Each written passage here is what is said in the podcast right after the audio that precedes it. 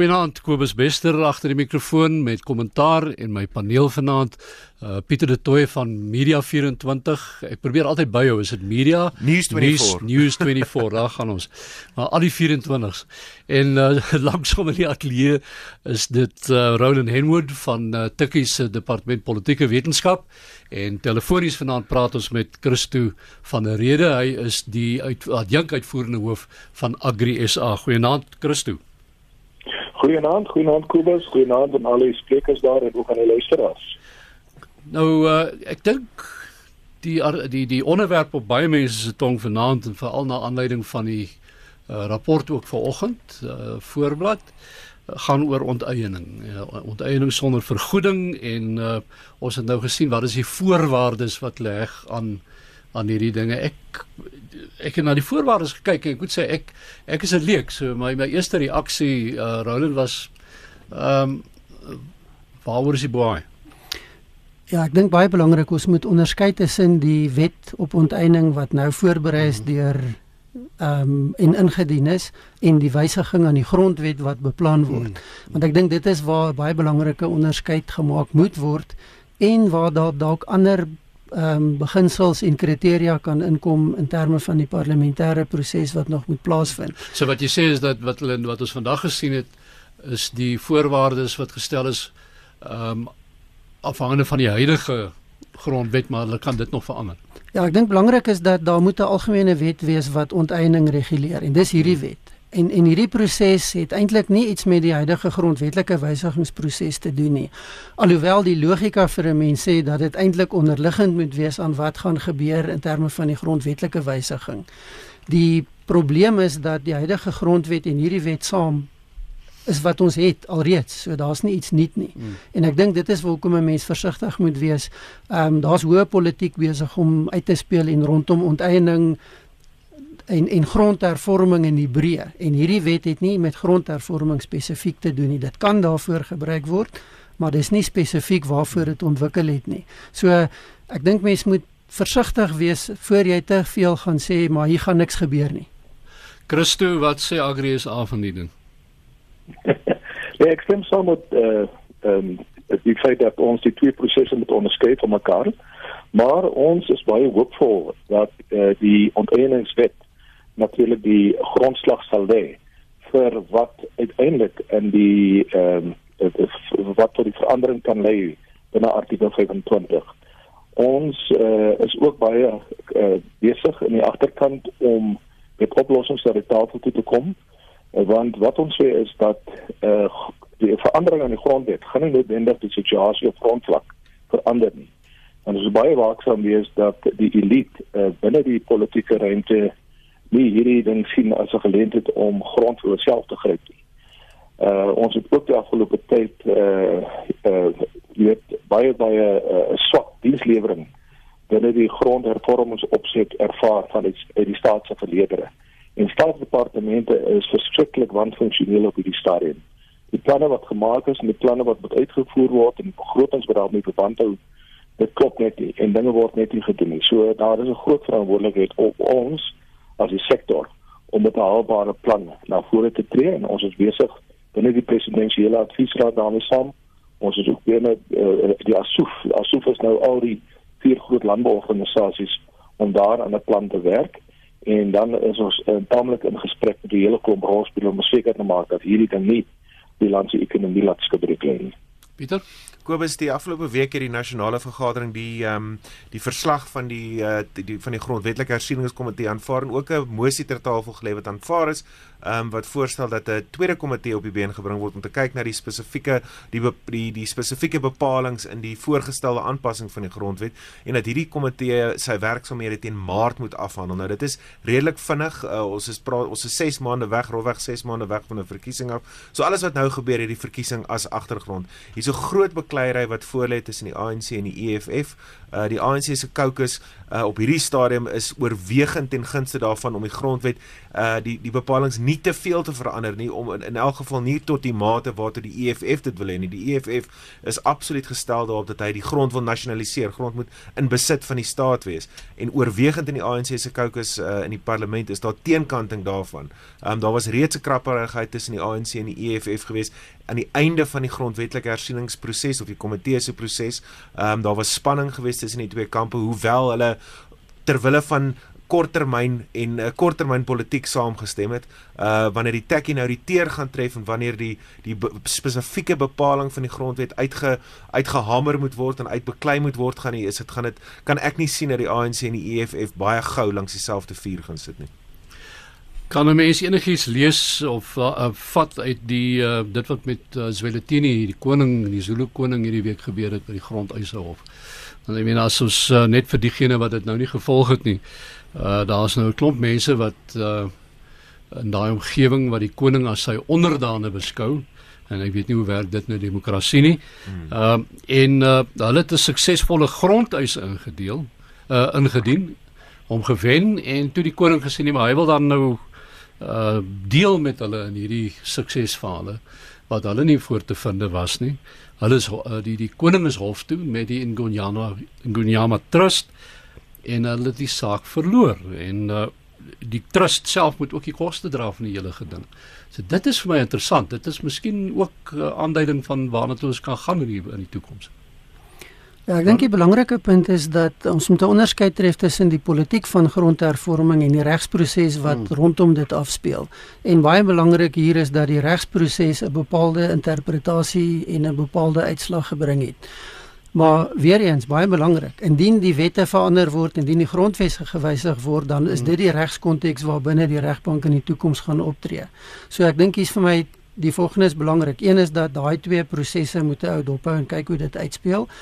Ehm um, ons weet dat daar krapperigheid is rondom die Zulu koning en grondbesit en ook dele van die ANC. So mense sal moet sien hoe dit uitspeel. Uh, maar dan moet mense ook gaan kyk na hoe die proses van wetswysiging in die toekoms gaan uitspeel en hoe dit die grondproses en gronddebat in die toekoms gaan rig want dit gaan nie noodwendig dieselfde wees as wat nou gebeur nie. Wel, Christo het, het julle enigiets daaruit gelees? Kyk, wat ons wat ons uh, afleiding is is dat uh, daar is 'n sterk beweeg dat die beskerming, die individuele beskerming van mense se grondregte En ek dink uit hierdie uh, uitspraak het uh, kom daar 'n baie duidelike boodskap dat uh, en ek dink uh, Cyril Ramaphosa het in geleentheid dit ook baie sterk beklemtoon en dit is om titelakte aan mense te begin uh, gee. Ons kan nie 'n situasie hê waar een persoon, uh, jy weet 'n tradisionele leier, uh, so magtig is dat daai persoon besluit oor die wel en wee van ander uh, se se aansprake tot grondbesit nie. Mm -hmm. En uh, ons is baie baie duidelik uh jy weet in dis uh, dat ons moet titelakte aan mense oopdra, mense moet besitreg van grond kry want dit is 'n beginsel wat nie net beskore moet wees vir 'n handjievol mense in die land nie. Dit moet uitgebrei word na al ons burgers in die land. Die uh een persoon ons praat oor titelaktes iemand wat wel titelaktes uitgedeel het die afgelope tyd is 'n man met die naam van Johan Rupert. Ehm um, en uh, hierdie week het hy homself Pieter het hy 'n bietjie lelik deurgeloop. Hmm, Kobus dit was uh, Dinsdag aand by 'n onderhoud uh, by Power FM die Gautengse uh, radiostasie hierso wat 702 se hoofteen teenstand is en die onderhoud is gevoer deur Givenham Kari die voorsitter van uh, van die direksie van van van Power FM en uh, Johan Rupert dit was interessant dat hy die onderhoud in eerste plek toegestaan het. Hy staan omtrent nooit onderhoude toe. Sy pa het nooit ook nie. Jy weet en hy's hy's baie wantrouig van die media. Hy vertrou die media glad nie. Ehm um, jy weet so dit was dit was buite karakter geweest dat hy die onderhoud gaan toestaan. Ehm um, en en uh, my lees in elk geval daarvan was dat uh, Rupert uh, op 68 is besig om na sy nalatenskap te kyk. Hy begin te wonder daaroor. Hy het baie seer gekry in die Bell Pottinger drama van die afgelope 2 jaar. Hy's natuurlik een van die hoofteikens gewees in die in die Bell Pottinger uh, veldtog wat gevoer is onder leiding van Duduzane Zuma.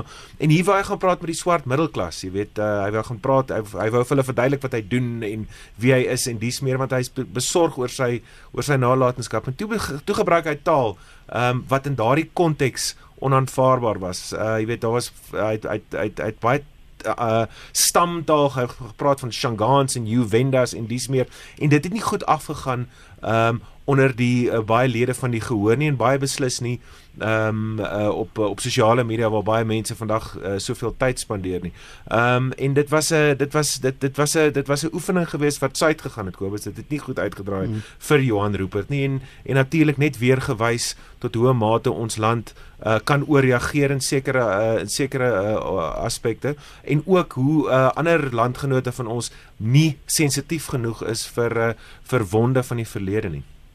Hy het wel in sy reaksie na die tyd uh, ook in 'n stadium gesê dat hy bitter spyt uit die die die die ja. onderhoud toegestaan, maar hy het ook die punt gemaak en en ek het toe nou die ding gaan luister en kyk en deurgelees en uh die feit dat daar's da sekere uitlatings wat hy gemaak het mense uh, vorm van rasisme beskuldig het waar hy geen rasse terme gebruik het nie waar, waar hy geen onderskeid getref het nie. Uh, hy het maar net gesê dat jong mense vandag mm. is geneig om meer uh ingestel te wees om by die klubs uit te hang en hulle self te geniet mm. as jy weet. En hy het nooit daaronder gesê maar dis swart jonges of bruin of wit of wat ook al. Ja, so, die die die konteks is belangrik. Jy weet ek die konteks mm. waarin waarin daai gesprek gevoer is is belangrik. En ek mm. en ek weet ek het daar gesit en geluister um en en ek dink daar was weet as ek as ek weet die die die gehoor so dopgehou het en nou, daar was 'n klomp ondersteuners van hom in die Els was daar en sy vrou Jannie die rand van Remgrou was daar 'n uh, 'n uh, Paul Harris die ex van FNB was daar gewees uh, Pieter Uys wat die voormalige Vodacom baas was. Dan was daar 'n klomp swart senior sakelei gewees en En ek dink die manier hoe Johan Rupert ervaar is is kwetsend geweest, weet hy is op die beste van tye 'n moeilike ou om mee te werk, om moeilike ou meer te praat. Um en ek dink die manier waarop hy met hulle daar gepraat het, you people must get you people must uh, must get self confidence so you can talk to us. Jy weet, ek dink dit is daai manier en styl wat mense ge, uh, geïrriteer het, maar dat Rupert 'n uh, uh, interessante ou is, dat hy 'n interessante rol gespeel het in ons sakegeskiedenis uh, is nie altemit nie. Roland? Ja, ek ek dink wat dit ook vir ons dui is 'n is 'n ongelooflike sensitiwiteit in Suid-Afrika reg oor die spektrum. En en mense hou van jou of hou nie van jou nie oor hoe hulle dink jy gaan praat. En dis iets wat natuurlik baie moeilik is om te beheer. Is daai vlak op die vlak van persepsie. Ehm um, jy kan dit nie altyd voorspel en altyd mooi gaan beheer nie. Die ander konteks natuurlik is dat as jy gaan kyk na besigheid en groot besigheid dan gaan jy na een van die kernverdeeldhede in Suid-Afrika in terme van insluiting en uitsluiting. En ek dink dit op sigself moet vir 'n mens sê as jy op hierdie terrein beweeg, moet jy baie mm, versigtig mm, wees. Mm. Ehm mm, um, jy, jy kan nie sommer net in dons en aangaan nie, mm. ongeag hoe suksesvol jy is en hoe goed dit bedoel is. Dit gaan nie noodwendig so beleef word nie. Ehm um, daai sensitiwiteit is baie diep. Die ander aspek is dat in 'n groot deel van ons samelewing is en ek noem dit die tradisionele vyandigheid teenoor kapitaal en teenoor besigheid. Ehm um, en dit gaan Suid-Afrika nog baie duur te staan kom op die langtermyn en ek dink hier het ons weer bewys daarvan gesien. So ja, daar's 'n klomp sensitiwiteite en goed, maar daar's ook 'n amper 'n dogmatiese ingesteldheid dat so iemand kan nie hmm. goed of reg of wat ook al wees nie. En dis ongelukkig want dit is die tipe insette en mense wat waarskynlik 'n groter rol behoort te speel as wat hulle tot nou toe kon doen. Hulle raak 'n interessante ding en die en die verskil tussen tussen mense wat daar was en wat op sosiale media gebeur het is ja. jy kon dit nie verder van mekaar ja. verwyder nie. Jy weet toe toe toe Rupert klaarmaak is hy kon nie van die verhoog af kom nie. Mense het hom om hom saamgedrom om hom sy hand te skud, om te groet, foto's te neem, jy weet, kaartjies in sy hand te stop. Terwyl op sosiale media en ons weet Twitter en sosiale media is 'n plek waar enige reaksie tot in die oortreffende trap mm. uh, uit proporsie uitgeblaas word. Dit is so. Ehm uh, maar daarso met uh, ontleikende jong sakelei Um, was my indruk geweest dat hulle um, met hom wou praat, hulle wou leer by hom en hulle wou uh, wou met hom gesels. Terwyl op sosiale media was dit natuurlik heeltemal anders. Ja, ek sê net wat Pieter. ek het self net onderhoud gekyk en agterna 'n bietjie gaan kyk, uh, jy weet rondkrap op sosiale media en ek was verstom oor die geweldige positiewe die uh, positiewe reaksie uit jong swart geleerders wat sê maar dit hy praat die waarheid. Uh, jy weet ons moet opkyk na hierdie man want sy sukses en die manier hoe hy sy sukses behaal het is iets waaruit ons kan leer. En dan was er natuurlik 'n uh, spesifieke generasie en ek dink dit is veral uh, die, die ouer generasie wat maar uiters negatief was Maar is baie interessant die jong mense inspirasie van dit mense wat bereid is om kalk op die waarheid te praat. Maar ek stem ook saam met die ander twee sprekers dat ons het 'n baie spesifieke politieke konteks en 'n mens moet waak dat teen dat jy nie patronisering voorkom of hmm. afpraat na mense toe nie. Ek dink sakeleiers moet liewer fokus op die saampraat en uh, die bron uh, wat wat 'n rol uh, daar skoon kan speel om die res van die gemeenskap saam te bind en hulle inspireer maar terselfdertyd moet 'n mens ook die waarheid op 'n gesofistikeerde en 'n genuanceerde wyse by mense uitkry. Nou ons het 'n nuwe naam wat ons mee kan speel uh, wat nou op die toneel verskyn. Dit is eintlik al lank al op die toneel, maar in in in belangrike poste. Maar uh, nou skielik hier in Suid-Afrika, haar naam is Shamila, haar van is Batoy.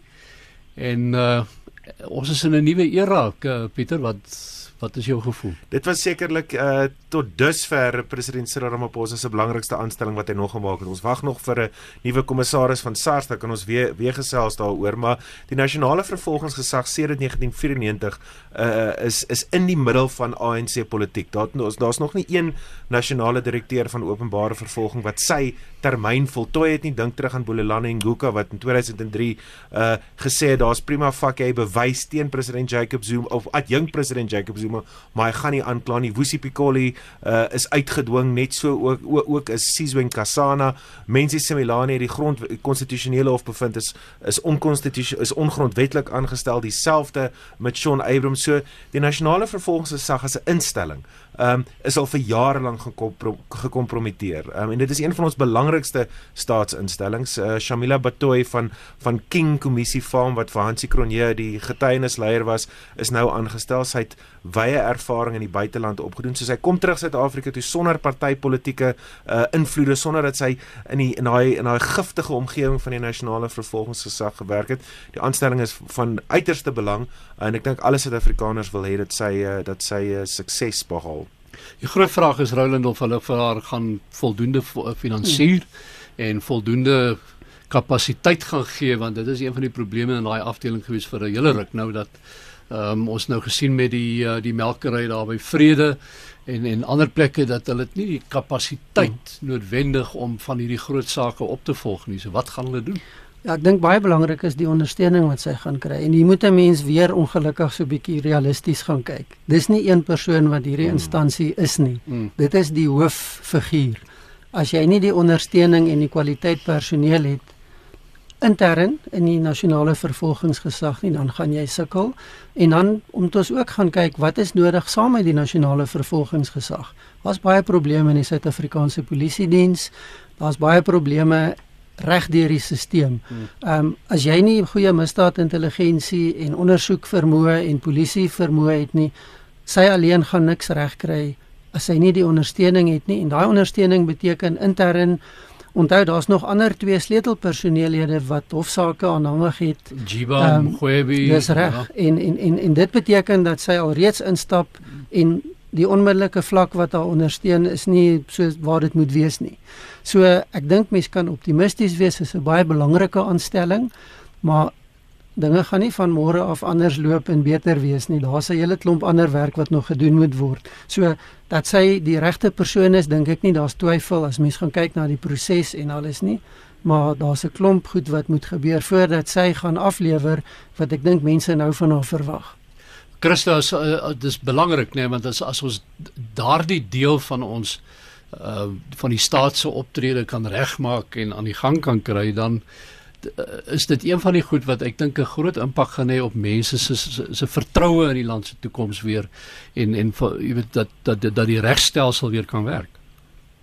Ja, absoluut. En mense kan net kyk na die reaksies, veral ek sekere van die ANC uh, geleedere en ook uit ander geleedere uit en hoe uh, daar mense begin rondskarrel en van of al in ons groot uh uh jy weet regerings uh departemente. Uh so sy sal moet huis skoon maak en seker maak sy omringe met uh jy weet hoë vlakke van kundigheid. Ons het die afgelope paar jare geweldige uittog van kundigheid gesien en baie van daai mense sit nou byvoorbeeld in private strukture. En uh mense graag wil sien dat hulle sê daai mense gaan haal en dat sy haarself omring met met hoë vlakke van eerbare en kundige mense. want ons kan verwag dat die faksies wat skuldig is aan korrupsie eh dat hulle gaan terugveg. En dit is die mense wat 'n uiters verlammende impak kan hê op haar uh, funksionaliteit. Die die probleem is natuurlik baie wyd. Ek dink ons almal fokus met reg op staatskaping en ons wil hê mense moet tronk toe gaan. Uh ons wil hê dat die Estina uh uh, uh melkboerdery wat nou van wat nou ont, die, die saak is teruggetrek dat dit weer op die hof uh, op op die rol geplaas word, maar die die probleme in die nasionale vervolgingssaak is baie dieper as net die die seksie hofsaake waaraan ons dink, jy weet die hmm. hoë vlak staatskapingssaake. Weet die die die die die agterstand in vervolgings by uh die howe wat seksuele oortredings uh uh, uh oorweeg is ontsettend erg. Jy weet die die agterstand in al die hofrolle oral is erg. Jy weet, jy het uh, baie staatsaanklaers wat oortyd werk, wat oorwerk is, um, wat soos Roland sê, nie die ondersteuning kry van die ondersoekbeamptes en die polisie wat nodig is nie. Jy het mense wat vir verhoor afwagtend is wat jare in die in in daai afdeling by by in die in die tronk sit. Jy, jy weet so hier's 'n stelsel wat verstop is en dit moet hmm. dit moet uh, dit moet dit moet skoon gemaak word. So Shamila Batoy nie net gaan ehm um, baie goed moet wees om die politieke mynveld waarin sy haarself ongetwyfeld gaan bevind uh dat sy dit gaan moet uh, uh stuur bestuur en en en haarself daardeur kan uh, weet daardeur kan trap sonder om 'n landmyn af te trap nie maar sy gaan ook 'n goeie bestuurder moet wees van 'n hmm. groot organisasie weet sy gaan elke aspek en elke vlak van hierdie organisasie gaan sy moet oorweeg en skoonmaak en herstruktureer as dit nodig is maar Roland het net nou daarna verwys dit gaan dit gaan sy gaan nêrens uitkom as sy nie in die eerste plek kan ontslaa raak van mense soos uh, Jiba en Mkhwebi nie en mense in in in in senior posisies instel wat haar kan ondersteun hmm. en ek dink in hierdie geval moet iemand soos Willie Hofmeyer wat al jare daar is uh het waarskynlik 'n baie groot rol om te speel. Willie Hofmeyer is my amper weet die die Engelse gesegde van always the bridesmaid never the bride, ja. weet en dis vir my tragies dat 'n ou wat en hy uh, vlekkelose struggle credentials ja. en die hele ding.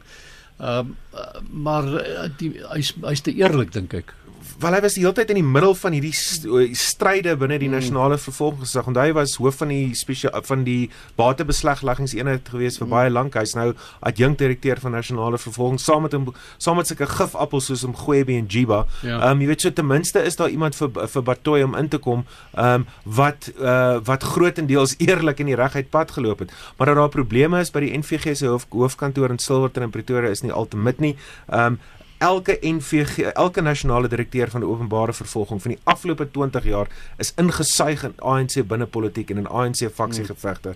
As nie was vir vir Thabo Mbeki wat vir Wusi Pikoli probeer beïnvloed het om nie vir vir Jackie Celebi aan te kla nie, is dit 'n uh, Mensi Similani wat uh, Zuma aangewys het om sy vuilwerk te doen en toe moes die konstitusionele hof ingryp. So hmm. dis 'n ontsettende moeilike posisie hierdie om te handhaaf, want jy gaan altyd ingetrek word en onthou, sy gaan ongewilde politieke besluite neem in die afsienbare toekoms of dit is om nie te vervolg nie en of dit is om wel te ja. vervolg. Ja. Hier gaan moeilike besluite vir haar wees. En die hele land sit vir haar om kyk en wag om te sien wat sy gaan doen ja. en da, as sy durf skeef trap in, in, in enige iemand se opinie dan dan gaan daai sosiale media ook net weer loop. So dit ja. gaan gebeur. Nou ja, terwyl jy nog aan die woord is, kom ons praat gou oor Eskom ook want uh Ja, dis terminaal. Ja. Ek het vir my as jy kyk na wat alles daar gebeur, ja. dan wil jy jou met jou hande in jou hare sit. Wel ons ons ons ons weer is erg. Eskom is erg. Ons weet die situasie is erg. Ons voel dit in ons bas elke dag. Gisteraand het ons gebraai by die huis en toe gaan die krag net af. So dit frustreer alle Suid-Afrikaners geweldig. Maar wat wat wat wat wat ehm um, wat mense elke keer weer tref, soos hierdie week weer toe Pravin Gordhan afgesit het na Megawatt Park toe daar so 'n groot perskonferensie gehou het waar die media onder hom ingeklim het, né? Weet ons word altyd daarvan ja. beskuldig dat ons te sag is op Pravin Gordhan en daarso het hy deurgeloop. Ehm um, die krisis by Eskom is erger as wat ons gedink het dit is. Nou so 'n paar weke terug het daar 'n tesorie verslag uitgekom uh, wat die omvang van korrupsie die afgelope paar jaar uh by by by Eskom uiteengesit het en toe het ons gereken, jy weet uh, uh ons het gedog ons weet alles, maar hierdie week weer die die verspreidingsnetwerk is besig om houe te vat. Die die op uh, die die die generator uh die die os die die kragstasies is is is baie van hulle is van lyn af. So die probleme is baie dieper en baie erger as wat ons gedink het. Um kragstasies kom tot aan die einde van hulle lewensiklus. Daar is nie geld om hulle te vervang nie. Eskom kan nie meer sy sy rente uit sy inkomste uitdelg nie. Um en as daar een staatsinstelling is wat se uh, se ineenstorting ons land kan knak, is dit Eskom en dit lyk like asof dit voor ons oë besig is om te gebeur. Maar nou is daar ook beskuldigings wat rondgeslinger word dat uh, Eskom speel met die situasie. Uh die feit dat daar uh dosyne skepe in die hawe van Maputo lê en wag om steenkool te laai China toe. Uh maar Eskom sê terselfdertyd maar hulle kan nie uh, steenkool bekom nie, maar ek dink baie van daai steenkool is op kontrak uitgeteken aan aan China. Uh maar daar's mense wat uh, daar's 'n bewering wat rondloop dat Eskom sit eintlik op 'n paar van hierdie goed juis omdat hulle sekere mense nog daar 'n plek wil hê wanneer dit verkiesing word en so kom en so. Kyk, Eskom se groot probleem is dat hy net voor eenvoudig nie geld het nie. Jy weet, mm. ons het op by News24 hierdie week 'n storie gepubliseer. Ehm um, die Gupta's het vir die tydperk wat hulle die Tegeta uh myn myne gehad wat bestaan het uit Optimum en Korenfontein um tot 4 miljoen ton te min uh, steenkool gelewer teen 'n hoë premie en dit was van 'n laer gehalte. Nou hierdie probleme um herhaal homself by verskeie kragstasies in die land. Jy weet so jy hulle Eskom onder Machela Koko en uh, en en uh, Anoj Singh en die die lot het kontrakte geteken met steenkoolproduseerders wat swak gehalte steenkool uh, te laat aflê waarom in seker gesekerde gevalle glad. Nou wat doen jy as jy 'n groot steenkoolproduseerder is? Jy weet jy jy moet jy moet jou myn in die lewe hou. So jy teken kontrakte Kobus en as die Chinese dit vir jou wil koop teen die prys wat jy dit wil verkoop, dan gaan jy dit hmm. seker verkoop. Ja, daar's natuurlik baie tegniese aspekte ook dat jy nie jou hoë kwaliteit uitvoer steenkool noodwendig hoef te gebruik vir kragopwekking nie. Ja. Ek dink die probleem wat ons mee sit is swak bestuur, swak langtermynbeplanning. Um, nou kry jy daar's nie meer kwaliteitsbeheer klink dit my en ek praat nou as 'n leek, maar wat ek aflees die kwaliteitbeheer oor steenkool is nie meer in plek nie. So nou kry jy swak kwaliteit hmm. steenkool en klip wat in die oonde ingaan en dan beskadig dit die toerusting. Daar's ook 'n langer termyn konteks en dit is dat baie van die kragstasies sou uit diens gestel word want Kusile en Medupi is hierdie massiewe groot nuwe tegnologie wat 'n groot deel van die opwekkingsvermoë nou alreeds moes hmm. verskaf het. Maar weer eens, korrupsie, wanbestuur, swak beplanning, noem dit wat jy ja, wil. Op die oomblik beskuldig hulle nou die die die kontrakteurs daarvan dat hulle nie hulle werk mm. by uh, Medupi en uh, Kusile reg gedoen het nie, maar die binne inligting is dat uh, dit is kom weer eens neer op swak ja. beplanning ja. en die feit dat baie van die kontrakte, die tenders uitgegee is aan ANC verwante maatskappye. En en die probleem is nou is daai goed nie op tyd afgelewer nie. So nou maak jy staat op ou tegnologie, ou ehm um, kragstasies wat eintlik nie meer in diens moet wees nie wat wat baie duur is om te bedryf. En nou sit jy met die as gevolg van die geweldige uitvloei van geld onregmatig ehm um, daar's net nie geld om nou al die gate toe te stop nie. En en Eskom gaan nie net ongerief veroorsaak nie. Ons is op die punt nou waar dit die ekonomie hmm. en Suid-Afrika baie seer kan maak. Ja. Christo nou nou is dit ook tekenend van die tye waarin ons leef dat die die die wantroue wat mense het in al die prosesse is nou al van so 'n aard uh om nou vir 'n oomblik ook uh, die die onteieningsding weer hier in te sleep saam by, by hierdie ding is daar mense wat sê maar van hierdie plase wat ons so ruk terug gesien het wat op 'n lys is al vir vir onteiening uh, lê almal blykbaar so op 'n dis die dis die bewering. Dit lê so op 'n rif so af waar die ouens wil gaan steenkool myn dis eintlik waaroor dit gaan. Die man die ouens wil nie die plase hê om te boer nie. Ek daar's baie spekulasie oor dit maar daar steek ook 'n bietjie waarheid in. Die feit dat uh, van hierdie plase wat op baie sogenaamde oneindigheids verskyn het uh jy weet dat hulle op steenkool sit ehm um, ja dit is so. Maar ons moet ook onthou dat uh daar is prosesse van onteiening wat reeds vir 'n hele tyd aan die gang is. En daar is hofsaake wat oor 'n tyd plaasgevind het. Hmm. Uh en uh jy weet dit is baie moeilik om nou te spekuleer dat dit die regering agter dit sit. Uh maar uh die die oorsprong van daai onteieningsprosesse kan teruggevoer word aan mense wat 'n regmatige eis het op, op daai grond. Uh so dis die een ding. Die tweede ding wat ek wil op fokus is dat hierdie uh kragonderbrekings het 'n geweldige negatiewe impak veral nou op die landbousektor. Want in baie gebiede is dit uh jy weet moet mense begin oes, uh, jy weet hulle moet die goed uitkry by die hawens, dit moet verkoel bly en dit moet uitgevoer word. Ons sit ook met 'n situasie waar ons geweldige droogte in sekere gebiede ervaar en ons het besproeiing broodnodig net om uh, jy weet voer of lucerne of mielies te produseer en so voort. Uh so dit het 'n geweldige impak as daai masjiene gaan besproeiings uh, toerusting uh, nie werk nie. En uh, dit lei daartoe dat groot gedeeltes van uh, jy weet uh, boere se milies en so voort dat dit net staan en verskroei in die son. Ons het afgelope tyd geweldige hitte gehad. Maar dan wil ek vinnig 'n punt doen. Ek was 'n paar jaar gelede die uitvoerende hoof van die AI Wessex. En uh, jy weet nou, ons het 'n groot groot storie gemaak oor Eskom reeds 5, 6 jaar gelede want ons het gesien hier ding kom aan. En dan soek ek hele kom goed in die koerante openbaar. Ehm um, en toe het ek begin foto's skryf van mense wat in daai uh, krag opwekkingsstasies werk. Uh jy weet waar as uh, as gevolg van hierdie goedkoop steenkool, dit veroorsaak geweldig baie as. En daai as land op al die masjinerie en dit word nie skoon gemaak nie. Die plek word nie in stand gehou. Uh soveel so dat uh jy weet mense het my gevra het om hierdie fotos in die publiek uit te lê. Uh maar ons kon dit nie doen nie omdat jy weet ons onsself aan vervolgingsrisiko blootgestel.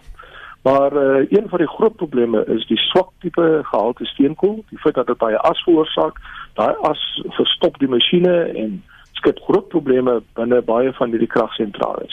En hulle het ook nie die geld nou om behoorlike ehm uh, jy weet onderhoudswerk te kan doen en daarmee saam met hulle geweldige vlakke van kundigheid verloor. Ek lees vandag hulle sê iets so 6 tot 7 van ons top uh jy weet mense wat by kragstasies in beheer was, werk nou in ander lande, in die Filippyne.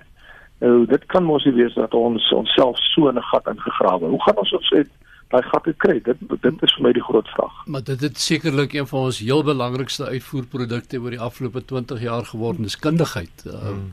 En en die woord wat jy daar gebruik het, uh, onderhoud en instandhouding. Uh Christo, as as ons nou kyk, ek meen ek wil ek wil nie nie die sweep net vir vir Eskom en weet nie oral. Ehm um, selfs waar ons vanaand sit. Ek meen is hmm. is instandhouding, onderhoud en so aan is is 'n vreemde woord. Christo?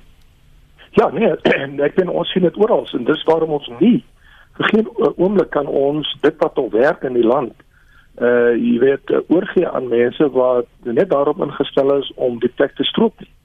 Uh ons is absoluut uh, toegewy tot hoë kwaliteit uh dienslewering, het sy dit in die privaat sektor is of in die staatssektor. Maar veral dit wat al werk moet ons ten alle tye beskerm en ons kan nie ingee net terwyl van 'n politieke druk want ons het gesien wat sommige van hierdie tipe van politiek politieke druk uh, veroorsaak. Eh uh, en die uittog van kundigheid, jy weet, gaan hierdie land en is reeds besig om die land groot skade aan te doen.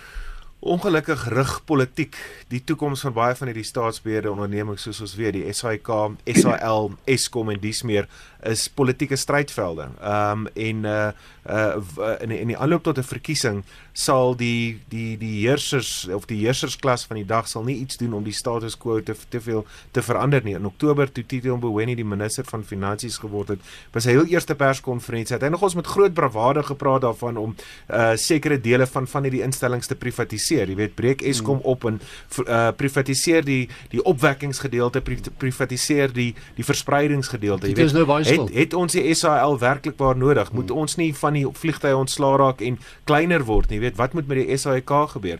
Maar wat het gebeur 'n maand of wat daarna? Weet Pravin Gordhan by ehm um, uh, by uh, openbare ondernemings het 'n uh, het 'n groot uh, uh, salarisverhoging, loonverhoging by Eskom toegestaan. Eskom kan dit eenvoudig nie bekostig nie. Kyk na die SAL, weet is 'n organisasie in in diep krisis, so ook die SAIK, jy weet wat nou in die middel van 'n stryd politieke stryd is. So as ons as ons na staatsbeheerde ondernemings op 'n uh, suiwer saak op 'n suiwer sakegrondslag kyk, sal jy sekerlik sê dat drie twee van daai drie instellings kan nie meer oorleef nie, maar tog gaan hulle oorleef uh, en in die huidige vorm en die regering sal aanhou om geld aan hulle te stoot veral in die aanloop tot 'n verkiesing.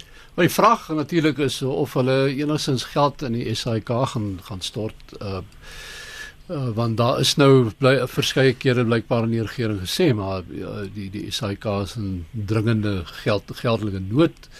Uh hierdie week is nog 4 van van van sy raadslede fort en, en daar's van hulle soos Matata Chedo so wat wat mm. gerespekteerde mense is mm. in in hulle veld. Uh en en 'n mens kan nie mens wonder eintlik wat presies is aan die gang want nou is die beskuldiging ook dat die die ANC is besig om weer die septer te gryp en te, te begin swaai. Ja, ek dink die belangrike punt hier is dat dis goed om te kyk na die staatsondernemings, maar dis natuurlik 'n probleem wat baie wyeer loop. Ehm um, gaan kyk na binnelandse sake, gaan kyk na die departement van gesondheid, gaan kyk na onderwys. Hmm. En en dis die krisis van Suid-Afrika. Ons het gekonfronteer met 'n klomp probleme, komplekse probleme oor 'n baie wye front. En dis hoekom mense swartgallig en negatief raak, want die die vraag wat mense vir jou vra is, hoe kom ons uit hierdie situasie uit? Ehm um, en en dan natuurlik kritiese instellings in 'n verkiesingstyd soos die SAIK of die SABC.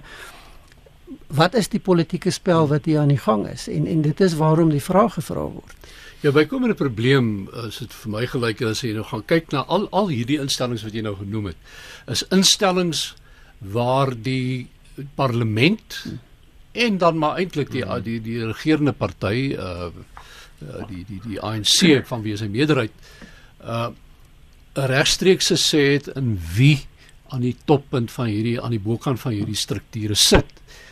Nou sit jy met mense wat en met alle respek, ek meen ek ken van die mense wat op hierdie komitee sit, van hulle is mense van wie ek baie hou en wat vir, vir wie baie respek respek het in baie opsigte. Maar hulle het geen insig in wat die behoeftes is, die die die kwaliteite waaraan so 'n persoon moet voldoen in daai bepaalde uh, bedryf nie mm. want hulle ken die bedryf as sodanig self nie hulle stel nou da, dan mense aan wat nie regtig voldoen aan die aan die vereistes nie wat op hulle beurt weer mense gaan inbring en swaan wat ook nie eintlik voldoen aan want hulle verstaan nie die bedryf nie. Nou, en ek praat nie noodwendig net van die SAIK nie, ek praat in die breë. So so 'n paar weke terug toe Barbara Hogan die voormalige minister van openbare ondernemings by die staats die is staats die by die staatskapingskommissie getuig het het sy nogals uh is sy die eerste senior ANC leier van uh, daai statuur wat ek gehoor het al wat die ANC se deployment komitee gekritiseer het. Nou die, die deployment komitee is 'n obskure liggaam in Letoile huis wat besluit op alle hmm. senior aanstellings of dit is op 'n SAIK raad of dit is die adjunk polisiekommissaris wat ook al weet dit gaan deur daai liggaam.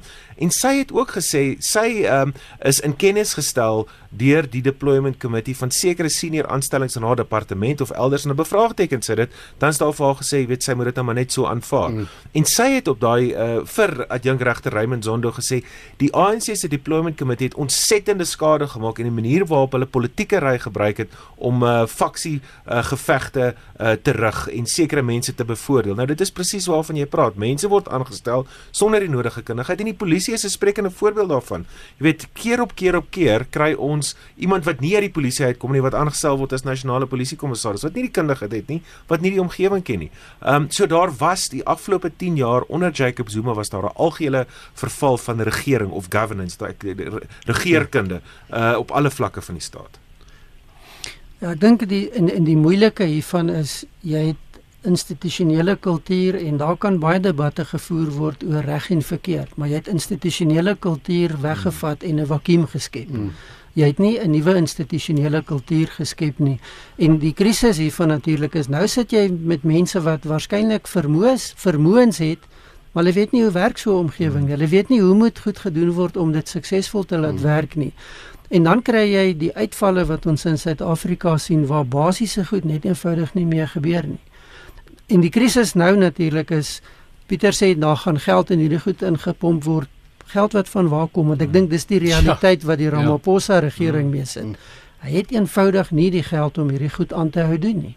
En en daar kom waarskynlik na hierdie verkiesing baie moeilike besluite en en dalk moeilike tye ook om want want iewers moet hierdie stop hierdie skip gestop en omgedraai word. En dit gaan nie maklik en goedkoop wees nie en dit gaan nie sonder opoffering gebeur nie. Die probleem is ook dat uh, die die opofferinge wat, wat wat mense gemaak het uh, en mense ek weet nie of mense al almal uh, regtig bereid is om soveel op te offer nie. Dit is wat my bekommer en dat ons toenemend mense weer kry wat begin praat van buiteland toe wyk. Die en veral mense met baie goeie hmm. kwalifikasies. Die die die krisis natuurlik is dat ons het 'n politieke omgewing wat legitimiteit gegee het aan dit wat as onaanvaarbaar en swak beskou behoort te word wat nêrens aanvaar moet word nie, het legitiem geword. Dit is die maatstaf. En daar moet ons haltroep ongelukkig. Dit is altyd op hierdie program vir my so bitterpil om te sluk en so aan in die tyd wanneer ons lekker gesels. Dan verdwyn die tyd sommer so. So ek wil dankie sê vir Christo van der Rede wat telefonies met ons gepraat het. Hy is die uitvoerende hoof van Agri SA en uh, Christo baie dankie. En ook Pieter, Pieter de Tooi van uh, News 24 en uh, Roland Henwood van uh, Tikkie se politieke wetenskap departement en uh, lekker week aan al ons uh, luisteraars. My naam is Kobus Bester. Ek groet tot volgende Sondag 8uur.